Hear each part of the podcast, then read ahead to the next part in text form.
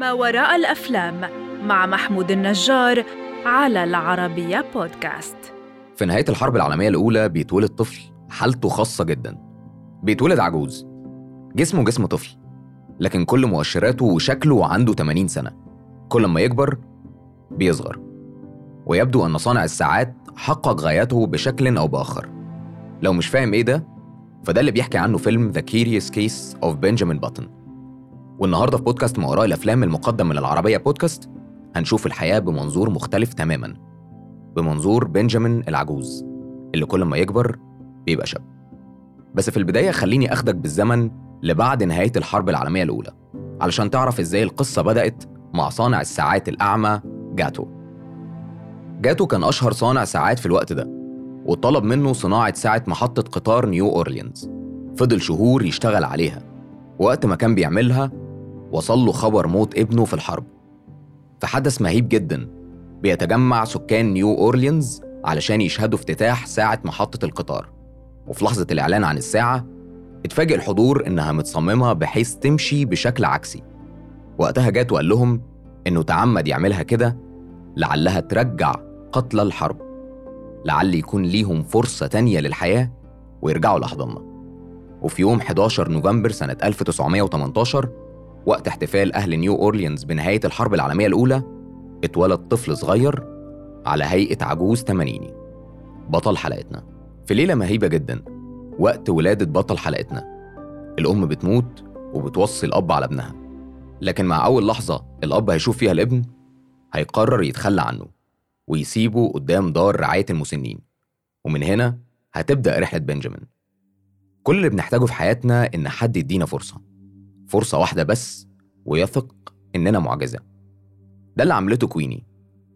كويني لما لقت بنجامين على سلم الدار قررت تحتفظ بيه وتربيه. الكل قال لها مستحيل يعيش وهيموت خلال أيام. بس you never know what's coming for you. أنت فعلا ما تعرفش إيه اللي مستنيك ابدا. على الرغم من إن بنجامين شكله عجوز زي باقي العجايز اللي موجودين في الدار إلا إنه لسه طفل صغير. لسه ما يعرفش أي حاجة في الحياة.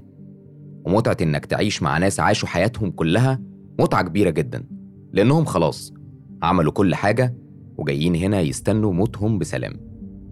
بنجامين خلال وجوده في الدار اتعلم حاجات كتيرة جدا اتعلم عن الحب والأمل عن الصلاة اللي كانت كويني دايما بتقول له ما تنامش قبل ما تصلي عن إن الموت شيء طبيعي جدا في البيت ده.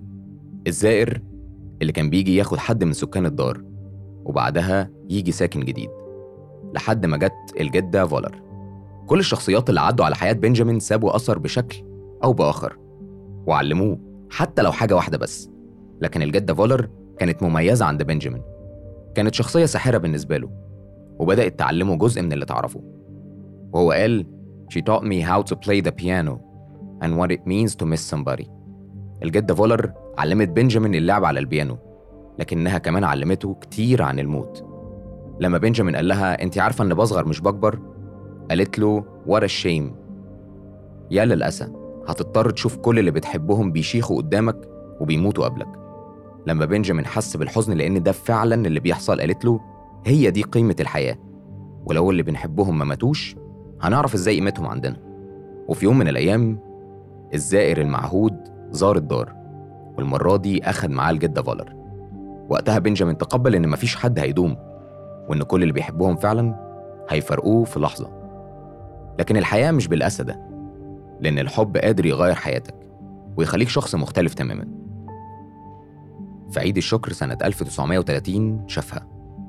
شاف الشخص اللي هيغير حياته اللي دايما هيشد إيده ويقول له تعال شوف. شاف دايزي. علاقة بنجامين بدايزي علاقة غريبة جدا لكنها جميلة في نفس الوقت. دايزي بتكبر وهو شكله بيصغر. وهيوصلوا للشباب سوا. لكن الحقيقة القصص اللي بتغير حياتنا مش بس حب. ممكن يكون مارك كلارك. ولو ما تعرفش أو لسه ما شفتش الفيلم فمارك أحد الشخصيات المؤثرة جدا في حياة وقصة بنجامين. مايك هو قبطان سفينة تشيلسي لكنه جواه كان نفسه يبقى فنان. بنجامين اشتغل على سفينة مارك ومن هنا بدأت رحلته في الخروج للحياة والتعرف على ناس وأماكن جديدة. ناس مش عواجيز بس وأماكن غير الدار والكنيسة اللي قضى طفولته فيهم. لأننا في النهاية زي ما قال مايك هنعمل اللي مقدر لينا إننا نعمله. ما تخليش حد يقنعك بعكس ده. فيلم The Curious Case of Benjamin Button هتتعلم منه كتير عن الحياة والحب. بس الأهم كمان هتشوف منظور مختلف للأبوة والعلاقة الأسرية. بنجامين شاف أبوه أربع مرات بالظبط. مرة أول ما اتولد لما أبوه تخلى عنه وسابه على سلم دار المسنين. وتاني مرة كان في مالها ليلي. الأب بطن هيتعرف على بنجامين وهيعزم عليه يسهروا سوا ومن سخرية القدر إنه يوصل بنجامين للدار تاني. بس المرة دي وبنجامين كبير واعي واقف على رجليه. المرة دي الأب حس بالندم لأنه تخلى عن ابنه. بس بالرغم من ده مش هيعترف لبنجامين إنه أبوه. علاقة بنجامين بكويني اللي ربته كانت أهم بالنسبة له وعمره ما سأل مين أبوه ولا أهله. بيت كويني الدافئ وعلاقتها ببنجامين خلت بنجامين مستقر نفسيا. وما يشغلش باله ويدور على أهله ومين وإزاي يتخلوا عنه. في المرة التالتة اللي باطن رجع فيها لبنجامين علشان يشوفه لما رجع من الحرب اعترف له إنه يبقى أبوه وإنه خلاص هيموت وقرر يسيب كل حاجة لبنجامين. بس كل ده ما كانش فارق معاه لأن كويني هي اللي ربته على الرغم إن بنجامين كان غضبان جدا من أبوه إلا إنه رجع ليلة لحظة موته فضل جنبه وطمنه. بنجامين ما كانش ناقم على الحياة ولا مرة كان متضايق من كل اللي بيحصل معاه. حتى المرة اللي كان بيشتكي فيها لكويني وبيتذمر عن شكله وحياته ووضعه قالت له أنت بالفعل عندك أكتر من اللازم. اشكر ربنا على الهبة اللي عندك. ممكن تكون بتسأل هو بنجامين عاش لحد ما بقى أب؟ أيوه وكان أب عظيم. لدرجة إنه تخلى عن كل حاجة في مرحلة ما وساب كل شيء وراه علشان مراته تقدر تربي بنتهم. لأنه كان بيصغر وبنته كانت محتاجة أب يكبر معاها. مش طفل صغير وهي بتكبر. لو ما شفتش الفيلم واثق إن عندك فضول تعرف. هو اتجوز دايزي؟ قلت لك إن علاقته بدايزي كانت علاقة غريبة لكن كان فيها من المواقف اللي خلاها تعيش لحد آخر لحظة. بس الحلو مش بيدوم والحياة مش دايما هتقدم لينا كل اللي نفسنا فيه. العقبات اللي مر بيها بنجامين ودايزي كانت أصعب من إنها تعدي في لحظة. دايزي بعد ما بقت راقصة باليه مشهورة وشاطرة جدا بتتعرض لحادث هيمنعها عن الرقص باقي حياتها. الحادث ده كان سبب في تغير مسار القصة. لأن دايزي رفضت وجود بنجامين جنبها وقررت تعدي الأزمة دي لوحدها. لكنهم بيتقابلوا بعدها وبيعيشوا في سعادة لحد اللحظة اللي بنجامين بيقرر يهرب ويسيب البيت علشان دايزي تقدر تكمل حياتها. فيلم The Curious Case of Benjamin Button من الأفلام اللي مش بس هتعلمك عن الحياة كتير لكن كمان هتتأكد إن لحظة واحدة قادرة تغير مسار حياتك. لحظة واحدة بس وموقف واحد بس لو كان حصل بشكل مختلف كانت دايزي عدت الشارع بسلام وكملت رقص موقف واحد بس كان قادر يغير الأحداث تماما. والحقيقة كل حياتنا مبنية على نفس الفكرة. لو في موقف واحد بس في يومك حصل بشكل مختلف كل يومك هيتغير. هي سلسلة من الأحداث. حدث واحد بيغير مسار السلسلة تماما. لكن دي طبيعة الحياة. ومن طبيعتها برضو إن مفيش حاجة بتدوم. قبل ما بنجامين يسيب البيت بيقول لديزي وهو محبط I was thinking how nothing lasts a shame إن بعض الأشياء لا تدوم. قالت له some things last. بعض الأشياء بتدوم. قالتها بكل أمل لكنه في النهاية سابها بس فعليا الأشياء مش بتدوم. كل حاجة بتتغير. من أول شخصياتنا ومواقفنا في الحياة وحتى اللي حوالينا. كل شخص بنقابله في حياتنا بيأثر علينا بشكل أو بآخر. وإحنا كمان بنأثر على اللي حوالينا. حتى لو ما كناش مدركين مدى التأثير ده في لحظته. خير دليل على ده قصة بنجامين مع إليزابيث بات إليزابيث كانت أول واحدة تحب بنجامين وتشاركه العالم اللي شافته. لكن قصة بنجامين وإليزابيث ما خرجتش بره الفندق.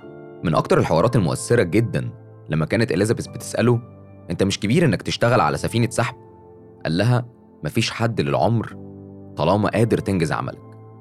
إليزابيث شاركت بنجامين حلمها في إنها تكون أول سباحة تعبر القناة وإنها كانت قربت تعمل ده فعلا بس فشلت. وفات سنين كتير وندمانة إنها ما حاولتش وإنها فقدت حلمها. بعد سنين من مقابلة بنجامين إليزابيث هيشوف بالصدفة على التلفزيون خبر عبور القناة بواسطة السباحة إليزابيث بوت أكبر سباحة سنا. أظن لو حد قال لبنجامين وقتها إنه هيكون سبب في ده ما كانش هيصدق. ولا إليزابيث نفسها كانت هتصدق إنها قادرة تعمل ده في سنها ده. بس على رأي كويني you never know what's coming for you. وكمان هتتأكد إن your life is defined by its opportunities even the one you miss. حياتنا عبارة عن فرص حتى الفرص اللي مش بنستغلها هي كانت فرصة لينا. وإن دايما في وقت في وقت تكون الشخص اللي أنت عايزه. تقدر تتغير وتقدر تفضل زي ما أنت. وقواعد الحياة إحنا اللي بنقررها. مفيش قاعدة ينفع تمشي على اتنين. بس الأكيد إن في إيدك تخليها الأفضل على الإطلاق أو أسوأ ما يكون. في النهاية هتمنى ليك نفس الأمنية اللي بنجامين اتمناها لبنته I hope you see things that startle you. I hope you feel things you never felt before. I hope you meet new people with different point of views. I hope you live a life you're proud of. If you find that you're not, I hope you have the strength to start all over again. أتمنى إنك تعيشي مشاعر مختلفة ما عشتهاش قبل كده. تقابلي ناس ليها وجهة نظر مختلفة وتعيشي حياة تفتخري بيها ويكون عندك دايما القوة إنك تبدأي من جديد. على الهامش لازم تعرف إن أكيد قصة بنجامين مش حقيقية لكن في قصة مشابهة له في الواقع. خلينا أشاركها معاك. سنة 1995 اتولدت الطفلة الأوكرانية كاترينا. كاترينا ما كانتش شبه الأطفال خالص. كان ليها ملامح عجوز عندها 60 سنة وأبوها برضه ما قدرش يتحملها وتخلى عنها وسابها لأمها. والدتها بمرور الوقت عرفت إن كاترينا بتعاني من مرض بروجيريا أو مرض بنجامين باتن المسبب للشيخوخة المبكرة. كاترينا كانت بتتعرض للتنمر باستمرار بسبب شكلها ولما خرجت للحياة اتفاجئت إن نفس الأطفال اللي في عمرها شكلهم مش كده. الفيلم ما عرضش أي جزء متعلق بالتنمر لكن في الحقيقة المجتمع مش بيتقبل الاختلاف بسهولة خاصة لو اختلاف مش مفهوم سببه إيه. خليني أقول لك إن سبب مرض بروجيريا أو مرض بنجامين باتن المسبب للشيخوخة هو مرض وراثي نادر الحدوث يسبب التقدم في العمر قبل فوات الأوان. للأسف معظم الأطفال اللي بيتصابوا بيه بيعيشوا متوسط 14 سنة وأغلبهم بيموتوا في سن المراهقة بمرض تصلب الشرايين. في أواخر القرن العشرين المعلومات عن المرض كانت قليلة جدا وتم التعرف عليه بسبب طفرة جينية ببروتين بروجين. وللأسف لحد اللحظة دي مفيش أي علاج واضح للمرض ده. مهم جدا نتكلم عن ما وراء The Curious Case of Benjamin Button. الفيلم بطولة براد بيت بدور بنجامين باتن وقدمت دور دايزي فولر في مرحلة البلوغ المبدعة كيت بلانشيت وبدور كويني مربية بنجامين بندا هانسون الفيلم في الأساس مبني عن القصة القصيرة اللي ليها نفس الاسم وأخرجه لينا بشكل عبقري المبدع ديفيد فينشر سنة 2008 صدر في أمريكا الشمالية في 25 ديسمبر سنة 2008 ونجح جدا في شباك التذاكر. حقق 335 مليون دولار في جميع أنحاء العالم مقابل ميزانيته اللي كانت 167 مليون دولار. الفيلم كمان حصل على 13 ترشيح لجائزة أوسكار من بينها جائزة أفضل مخرج سينمائي وجائزة أفضل فيلم وجائزة أفضل ممثل لبراد بيت وجائزة أفضل ممثلة مساعدة لبيندا هينسون وفاز بثلاث جوائز أوسكار. هي جائزة الأوسكار لأفضل مكياج فني وجائزة الأوسكار لأفضل تأثيرات بصرية وجائزة الأوسكار لأفضل إخراج فني. في النهاية إحنا لسه هنتعلم كتير عن الحياة. طول ما إحنا عايشين هنفضل نتعلم. المهم نكون متأكدين إن لسه في وقت. وقت إننا نجرب ونعيش. إننا نحب بإخلاص. ونعرف إن كل ده مش هيدوم. فنتخلى عن خوفنا وناخد خطوات. خطوات شجاعة. وافتكر دايما You can be as mad as mad dog. At the way things went. You can curse the fates. But when it comes to the end, you have to let go. ممكن تكون مجنون، ممكن تلعن الأقدار، ممكن تعمل أي حاجة، بس لما يتعلق الأمر بالنهاية لازم تستسلم. فيلم The Curious Case of Benjamin Button هتتعلق بأبطاله، وهتزعل مع كل بطل هيفرق قصتك، بس في النهاية هتتعلم منه. أنا متحمس جدا أعرف منك شفت الفيلم بأي منظور، ويا ترى اتعلمت منه إيه؟ شاركني رأيك دلوقتي. واستناني أنا محمود النجار في حلقة جديدة ومميزة من بودكاست ما وراء الأفلام المقدم من العربية بودكاست.